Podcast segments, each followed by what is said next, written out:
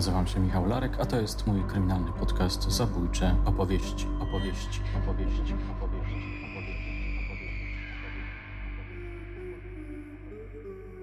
Trudne początki na wolności.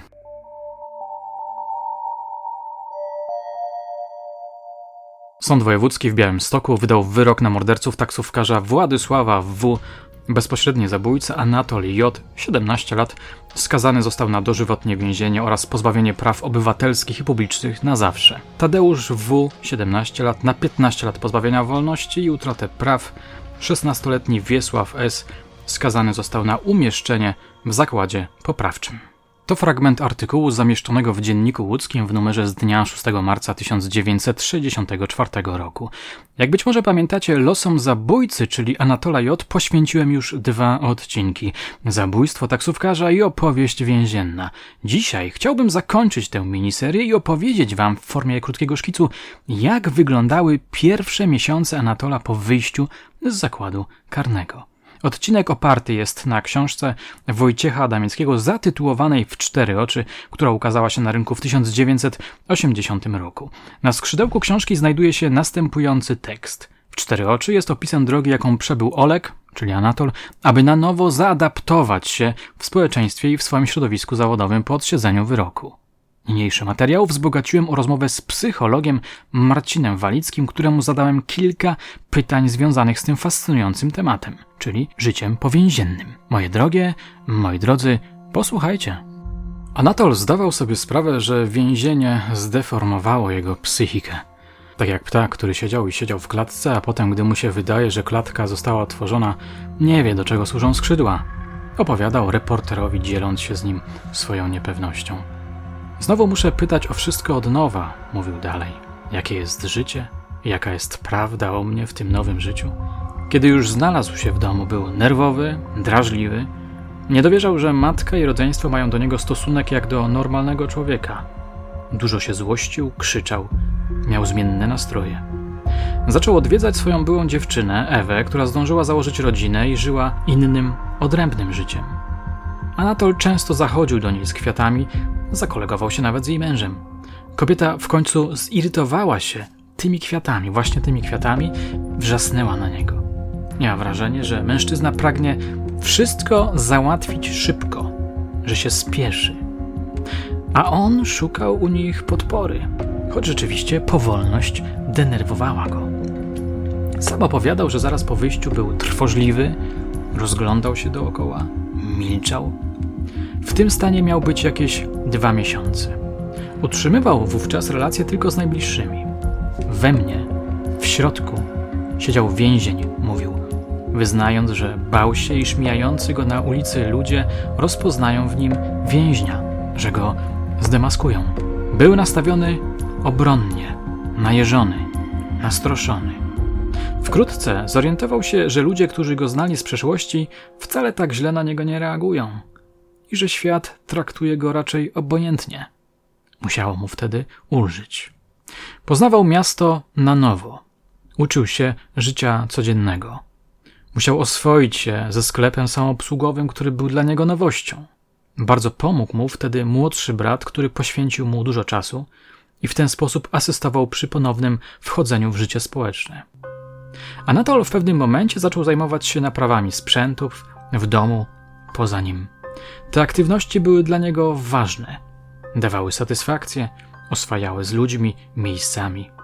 W jego narracji, którą rekonstruuje Wojciech Adamiecki, pojawiają się raz po raz bardzo ciekawe sformułowania, celne, plastyczne, o sile pouczającej metafory. Jestem jak człowiek, który został odmrożony, mówił na przykład.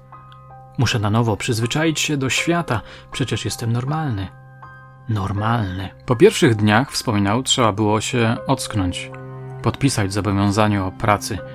Zatrudnił się w kinie Rusałka jako pomocnik kinooperatora. Cały ten proces wdrażania się do pracy podziałał na niego pozytywnie. Mógł się bowiem przekonać, że jego więzienna przeszłość nie ekscytuje czy oburza innych ludzi. Ten wewnętrzny więzień mógł się trochę wyciszyć. W pracy poznał Weronikę, młodą, wesołą bileterkę. Zainteresował się nią, polubił. Zaczęli się spotykać. Po dwóch tygodniach pomyślał, że powinien się z nią ożenić. Gdy jej to powiedział, zareagowała pozytywnie. A dlaczego nie, skoro razem jest nam dobrze? Weronika miała swoją historię. Rodzice wyrzekli się jej w wyniku konfliktu. Gdy wyznaczyli termin ślubu, złożyli wizytę jej rodzicom. Anatol był wstrząśnięty ostrością ich stosunku do córki. Było im przykro, ale nie zrazili się tym. Na ich ślubie pojawiło się niewiele osób. Wynajęli pokój w domu jednorodzinnym. Anatol postanowił zawalczyć o relację z teściem, który był mechanikiem. Umiejętnie go podszedł i zdobył zaufanie. Relacje z teściami zaczęły się rozwijać. Mama Weroniki zaproponowała im nawet zamieszkanie u nich. Dziennikarz, chcąc poznać dzieje Anatola z różnych perspektyw, spotkał się z jego rodziną, znajomymi. Matka na przykład twierdziła, że więzienie ciągle wraca w jego myślach. Wspominała dzień, w którym wrócił. Piątek, piąta rano. Było mu ciężko, jest mu ciężko. Myślę o przyzwyczajeniu się, opowiadała. Rozmawiałem z jego matką, mówił z kolei kurator. Z nim prawie wcale. Na pewno przez pierwsze dni po wyjściu był w depresji, roztrzęsiony jak galareta. Zobaczyłem przed sobą człowieka rozkojarzonego, znerwicowanego. Ta niewielka książeczka Adamickiego, zaledwie 113 stroniczek, kończy się wypowiedzią Anatola dotyczącą snu. Zabawne. W ostatnich chwilach w więzieniu rzeczywiście nie zastanawiałem się, co będę robił, jak wyjdę. A teraz ten okres do mnie wraca. Czasami mi się śni, że jeszcze tam jestem. Patrzę w górę na ścianę muru, ale ona nigdzie się nie kończy. Sięga aż do nieba. Więc się unoszę. Ale to nic nie daje. Wszędzie jest ta ściana. Spadam, mówi zabójca. Leżę twarzą do ziemi. Nic nie widzę. Podnoszę się. I nie wiem, gdzie jestem. Nic nie poznaję. Nie ma tej ściany. Zniknęła. A ja jestem wewnątrz jakiejś przezroczystej kuli. I wpadam w panikę. Co mam zrobić? Gdzie pójść? Wszędzie jest taka sama przezroczystość. Zaczynam iść przed siebie i gorączkowo myślę tylko o jednym. Muszę wiedzieć, co mam zrobić. Muszę to wiedzieć. Muszę.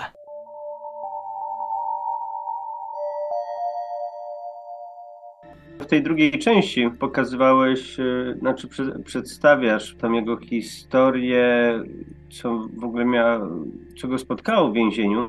Mhm. E, to, mi, to mnie złapała taka myśl, e, w sumie jak ważna jest relacja interpersonalna w ogóle w takim miejscu jak więzienie, bo E, no nie ma co ukrywać z jednej, jak i z drugiej strony. Mam na myśli, że ze strony funkcjonariuszy, jak i ze strony osadzonych dochodzi o, do uprzedmiotowienia drugiej osoby. No, sam fakt mówienia do funkcjonariusza ty gadzie to jest takie uprzedmiotowiające. Natomiast funkcjonariusze nie zostają e, dłużni. dłużni wobec właśnie e, osadzonych i każdego osadzonego nazywa się perzłodziej. Kiedyś więc, mi mówiłeś, to ciekawe jest. Tak, więc to jest y, w takim miejscu, jak właśnie warunki więzienne uprzedmiotowienia e, drugiego człowieka niestety są na porządku dziennym. I ciężko tutaj mówić o jakiejś formie e, resocjalizacji czy jakiegokolwiek leczenia, jeżeli nie mamy wobec siebie w ogóle szacunku. Natomiast mhm. no tutaj jak y, pokazujesz, no ten Anatol miał na szczęście możliwość spotkania się z wychowawcą, który y, wyciągnął do niego rękę, który zobaczył u niego jakieś fajne możliwości, jakieś cechy, nad którymi warto popracować, y, które y, przy odpowiednim jakby wzmocnieniu może naprawdę coś fajnego z tego wyjść. Tam pokazujesz, no jednak dali mu szansę i pokazał, jakim jest człowiekiem, że jednak warto było mu w więzieniu zaufać. Ten wątek z wychowawcą, który go tak po ojcowsku trochę traktował, jak syna traktował, z takim ojcowskim, powiedzmy, z ojcowską troską, przypomniał mi postać naszego wspólnego znajomego, to znaczy twojego bardzo dobrego kumpla czy przyjaciela, e, a mojego rozmówcę. Myślę tutaj o strażniku więziennym Jerzym, z którym wspólnie nagraliśmy kiedyś odcinek do mhm. e, podcastu. Myślę, że mm, szczególnie u funkcjonariuszy, bo ja mam na myśli tutaj wychowawców, czy wychowawczynie, oddziałowych, i tego typu ludzi. Myślę, że szczególnie u tych ludzi, którzy są rodzicami, włącza się w niektórych wypadkach taki taka pozycja, może inaczej, włącza im się rozumowanie z pozycji rodzica. Jeżeli mają do czynienia właśnie z takim, jak to się Mm, mówi w więzieniu małolatem, czyli tutaj, bo tu Anatel miał 18 lat, czyli mało, mało, ma, małolatem był. Ja. E, no to właśnie u niektórych osób mm, włącza się takie, mm, jakby to powiedzieć, właśnie rodzicielstwo. Jak, oczywiście nie u wszystkich, no ale to też daje jakieś takie hmm, poczucie jakby innego traktowania. E, też e, takie osoby jak Anatol, czy, czy jego jakby podobny mu e, osoby, które w warunkach wolnościowych nie mieli dobrych kontaktów z rodzicami, albo w ogóle nie mieli kontaktów z rodzicami. Nagle, jeżeli osoba dorosła wyciąga do nich rękę, też u nich się uruchamia bardziej nieświadomie jakieś poczucie chęci akceptacji przez tą drugą osobę, przez tego dorosłego, jak y, takiego nadrobienia okresu, y, może inaczej, nadrobienia utraty relacji z rodzicem. Mhm. No, poprzez relacje y, z takim czułym, nie wiem czy to odpowiednie słowo, ale zostawmy, czułym, czułym funkcjonariuszem. Bo ja mówię, bo tu nie musi być wychowawca, tu może być też oddziałowy. Jerzy na przykład był idealnym przypadkiem takiego właśnie miłego, czułego, oddziałowego, które rzeczywiście dużo osadzonych, czy właśnie tych z niepełnosprawnością intelektualną, czy właśnie e, osoby nieletnie, miały do niego duży szacunek i rzeczywiście mhm. zachowywali się wobec niego jak wobec jakiegoś własnego rodzica, którego zawsze chcieli mieć. Nawet sobie nie zdajemy w takim razie sprawy, jak bardzo, jak ważną rolę może odegrać strażnik więzienny oddziałowy, w, biograf, przyszłej biografii osadzonego, skazanego. Może właściwie Myślę... ocalić jego duszę w sumie, prawda? Myślę, że to w ogóle dotyczy wszystkich funkcjonariuszy. Jeżeli zobaczą, że wychodzi do nich y, osoba i traktuje ich jak osobę, a nie pod kątem popełnionego przestępstwa, to już jest dobry sygnał, że kurczę, no mam jakiś ktoś mnie tu szanuje, więc może warto coś z tym zrobić. Chodzi też mi o to, że nie, niektóre z tych osób, szczególnie wychowujące się w środowisku, które jakby propaguje zachowania przestępcze, to tam, żeby szacunek mieć, to trzeba jednak to trochę e, wywalczyć przy pomocy siły. Natomiast w więzieniu, jeżeli trafią na funkcjonariuszy, osoby pracujące, które jakby pokazują, że nie trzeba w ten sposób tego szacunku mieć, że, wystar- że ja cię szanuję pomimo to, nie, nie zważając na to, kim jesteś, może dać do myślenia takim osobom, że jakby nie trzeba używać siły, nie trzeba być wulgarnym, nie trzeba być złym, żeby mieć jakiś szat, że, o może inaczej, że nie trzeba wywalczać szacunku poprzez strach. Mhm. We wczorajszym głosowym komentarzu, który mi nagrałeś, który mi podesłałeś, zwracałeś przede wszystkim uwagę na to, że Anatol był traktowany przedmiotowo. Dzisiaj przed chwilą o tym troszeczkę powiedziałeś, ale w tej notatce też wspominałeś na przykład, że te kobiety, które, z którymi on miał kontakt, ta, szczególnie ta rozpoetyzowana kobieta, e, mm. traktowała go jako właśnie obiekt, jako, jako zabójcę i to mogło być dla niej ciekawym doświadczeniem, nobilitującym. On nie był może tak było. Nie był dla niej e, człowiekiem, tylko właśnie kimś, kto zrobił coś złego i komunikacja z kimś takim może być niezwykle e, ciekawa. może być budująca dla tej osoby. Właśnie to jest też ten problem, że przynajmniej z tych notatek, które mi podesłałeś, odniosłem wrażenie, że niestety ten Anatol miał do czynienia głównie z takimi kobietami. Że to nie były osoby, które w rzeczywistości chciały mu pomóc. Jak to kiedyś opisywałem, w jednym z artykułów w Newsweeku Aha. odnośnie kobiet pracu... znaczy odnośnie kobiet, które nawiązują kontakty z osadzonymi. E, chodzi bardziej, znaczy ja tutaj akurat wspominałem o kobietach, które już jakąś i relacje miały wcześniej i takie, które no, pisały do nieznajomego te, osadzonego. Jakby różne są typy kobiet. Niektóre chcą e, pomagać takiemu, takiemu osadzonemu, bo mają jakąś silną poczucie, silne poczucie ratowania takiej osoby. Natomiast e, są też takie, które szukają jakichś endorfin Natomiast z innej strony widzę, z tego co mi podesłałeś właśnie pod kątem Anatola, to odniosłem wrażenie, że on niestety miał do czynienia z kobietami, które nie tyle, co nie, raczej nie chciały mu pomóc. Pierwsza myśl, która mi właśnie towarzyszyła, to było właśnie podbudowanie się ze strony tych kobiet. Ja się chcę podbudować pisząc z, z zabójcą. Że to dla mnie coś takiego innego, wyjście spoza takiego, takiego marazmu życia codziennego. Tak. No. Zresztą tam też była jakaś, o ile pamiętam, końcówka no, y, tam tekstu z y, jedną z tych kobiet, która po, później już napisała, że y, czy tam wypowiedziała się, że ona była młoda, tam głupia i tak dalej, że tak jakby się wycofywała z tego, z tego co ona wcześniej pisała z tym.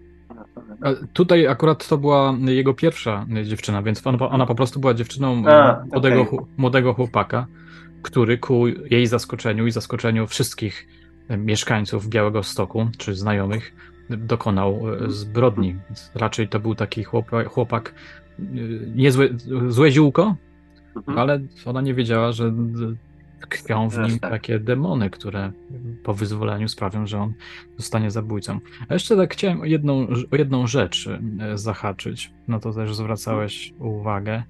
E, zastanawiam się nad kwestią traktowania go jako zabójcy, no bo on w, tych, w, tym reportażu, w, pierwszym, w pierwszej książce Adamickiego podkreśla przynajmniej dwa razy, że nie chce być traktowany tylko jako e, zabójca, że jest człowiekiem, że to jest jakiś epizod. E, I z jednej strony to rozumiem, ale z drugiej strony zabójstwo to nie jest epizod. Zabójstwo to jest coś, co jest wstrząsające moralnie i nic dziwnego, że my postrzegamy go jako, jako zabójcę i że będziemy mu pamiętać to bardzo, bardzo długo.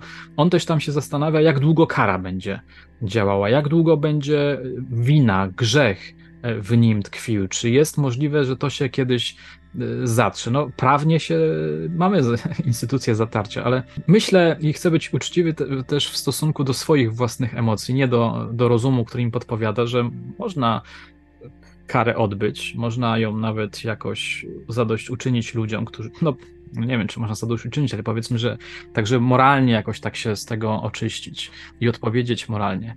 No, ale ten czyn zawsze będzie istniał. I zawsze w moim przekonaniu, czy w moich takich, w takiej, tam emocjonalna sfera mi tak powiada, zawsze będziesz zabójcą. Nigdy od tego nie uciekniesz. Będę cię traktował jako kogoś, kto popełnił zabójstwo. Ty tak? Znaczy nie wiem, czy ja tak, ale tak czasami myślę. Znaczy, nie, ja mówię, że ty tak, my z zewnątrz możliwe, że tak, że będziemy. Znaczy, ba, może inaczej, o co mi chodzi? Bardziej chodzi, bo jakby tam zadałeś dosyć, rzuciłeś weter istotny pytanie, jak długo on będzie się czuł zabójcą.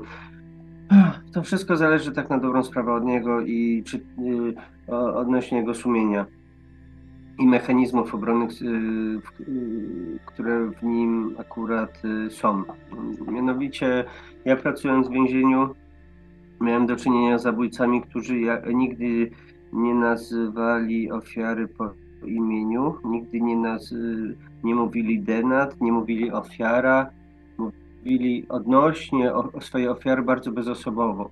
Ja, znaczy i e, jak dla mnie to był właśnie taki mechanizm obronny w stylu jakby, mm, mm, jakby, ta, jakby niepogodzenie się do końca z tym, co ja zrobiłem, dlatego nie będę rzeczy nazywał po imieniu, bo jeżeli zacznę nazywać te rzeczy po imieniu, to jest szansa, że to w końcu do, dotrze do, do mnie, co ja takiego zrobiłem.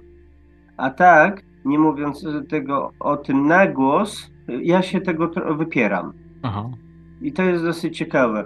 Natomiast jeżeli chodzi o osoby, które już dokonały takiego przestępstwa, no, no nie ma co ukry ukrywać, ten cień zawsze będzie w nich, na nich i tak dalej. I, I, to też jest dosyć ciekawe odnośnie tam, tam w naszym tym audiobooku e, jest ten przypadek Kanadyjczyka. Który, który... który, nad którym teraz pracujemy, bo nikt prawie o tym nie wie, że my pracujemy nad A, taką opowieścią. mówić, dobra. Nie, bo, znaczy możesz mówić, tylko trzeba wyjaśnić, wyjaśnimy, że A, pracujemy z Marcinem nad e, taką opowieścią, e, która opowiada o jego pracy psychologa więziennego w ośrodku diagnostycznym pracującego i, i omawiamy tam też e, kilka case'ów bardzo, bardzo ciekawych. Tak, i jeżeli właśnie chodzi o Kanadyjczyka, to pamiętam, jak on nieraz właśnie mówił, że on zawsze do końca życia będzie pamiętał o tym, co zrobił i, i to zawsze będzie w nim. Więc myślę sobie, że ja, e, ja też miałem do czynienia z wieloma zabójcami i ci, co rzeczywiście zdali sobie sprawę z tego, co się stało i tak dalej, to nawet jak już wyjdą z więzienia, o ile wyjdą z więzienia, bo niektórzy siedzą już, e, dostają, dostają za to karę dożywotnie, dożywotnie kary pozbawienia wolności. Po 10, 15, 20 latach może jakby siła takiego e, tego, mm, tego cienia, który padł na nich, będzie mniejsza, ale zawsze to będzie. Ten cień zawsze będzie. będzie. Aha. Tak. To ciekawe. E, ten odcinek, mm, trzeci i ostatni, opowiada o jego próbach zaklimatyzowania się w rzeczywistości poza więziennej w warunkach e, wolnościowych. Mm, ale ja jestem ciekawy, jak to się potem, e, potem jak, to się, jak się jego losy potem potoczyły, bo w sumie wiemy tylko, co się działo z nim przez, nie wiem, kilka miesięcy, może jakiś rok czy dwa lata, już teraz nie pamiętam. E, ale właśnie, czy ten cień, o którym teraz wspomniałeś, jakoś programował jego dalsze losy. Czy znasz jakąś taką historię człowieka, który zabił, wyszedł z więzienia, przez wiele lat żył i potem i jakoś sobie z tym poradził? Nie, nie. Eee, od, myślę, że spokojnie od końcówki lat 80. nie wypuszczają nikogo, kto dokonał zabójstwa. Znaczy, bo Anatol dokonał zabójstwa i dostał warunkowe przedterminowe zwolnienie, natomiast yy, jeszcze powiedzmy do wczesnych lat 80. takie warunkowe przedterminowe zwolnienia, jeżeli osadzone się sprawdzą i w ogóle sąd coś takiego udzielał. Natomiast yy, z tego co wiem, to już dawno, dawno czegoś takiego nie ma. Pamiętam, że trzy lata temu dwóch albo trzech osadzonych z Polski. To byli zabójcy, którzy tam już dawno, tam w latach chyba właśnie 80. czy coś tam ja już nie pamiętam, ale bądź co bądź, były trzy przypadki na Polskę, właśnie e, w nowożytnej Polsce, zabójców, którzy mieli, jakby zbliżył się termin o ubieganie się o warunkowe przedterminowe zwolnienie i nie ukrywam, że byłem zainteresowany Aha. tym, czy oni dostaną. No, oczywiście nie dostali. A z czego to wynika, że nie dostanie? Decyzję podejmuje sąd. E, sąd to między innymi sędzia. Sędzia też jest człowiekiem, więc też e, no nie ma co ukrywać, on się pod, to podpisuje, czy zwolnić pana przedwcześnie, czy nie. I no nie ma co ukrywać, e, nikt nie ma na tyle odwagi, żeby coś takiego zrobić. Ale też nie ma co ukrywać, że jednostki penitencjarne też nie do końca mają na tyle odwagi, żeby dawać zawsze takiemu osadzonemu prognozy pozytywne, bo, bo tu jakby z jednej strony sąd się podpisuje pod to, ale wcześniej przed tym jeszcze e, administracja więzienia, więc e, to, to jest kwestia na ile wy, my, wy weźmiecie odpowiedzialność za tego pana. Sprawiedliwości boi się bardzo człowieka, który zabił, ponieważ tak. myśli sobie, że ten może po raz kolejny zabić. Tak, tak, tak, tak, tak. Więc no to, co wyszło ile? Dwa lata temu, jakoś tak, e, podpisane przez prezydenta, do, kara dożywotniego pozbawienia wolności bez możliwości ubiegania się o warunkowe przedterminowe zwolnienie. Że to taka bezwzględna, o to się nazywało bezwzględna dożywotka. To jest pic na wodę, bo to dożywotki są bez, e,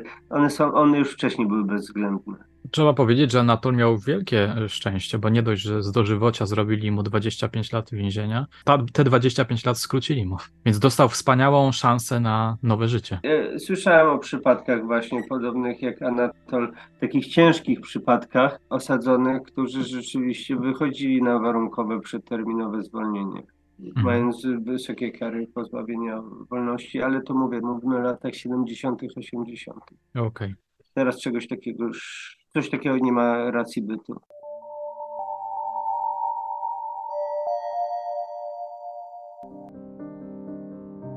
Te powięzienne dzieje Anatola, który jako młodzieniec zamordował taksówkarza, brzmią zaledwie jak szkic, wstępne notatki do poważnego studium poświęconego próbie budowania życia na nowo, próbie tworzenia siebie na nowo.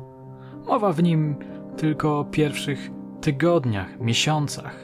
Ale co było potem? Jak wyglądały kolejne lata Anatola J? Czy udało mu się, czy poniósł klęskę? Wojciech Adamiecki nie żyje. Nie możemy go zatem zapytać o dalsze losy Anatola. Z samym Anatolem też niestety nie da się już porozmawiać. Znalazłem w internecie grup dwóch Anatolów J.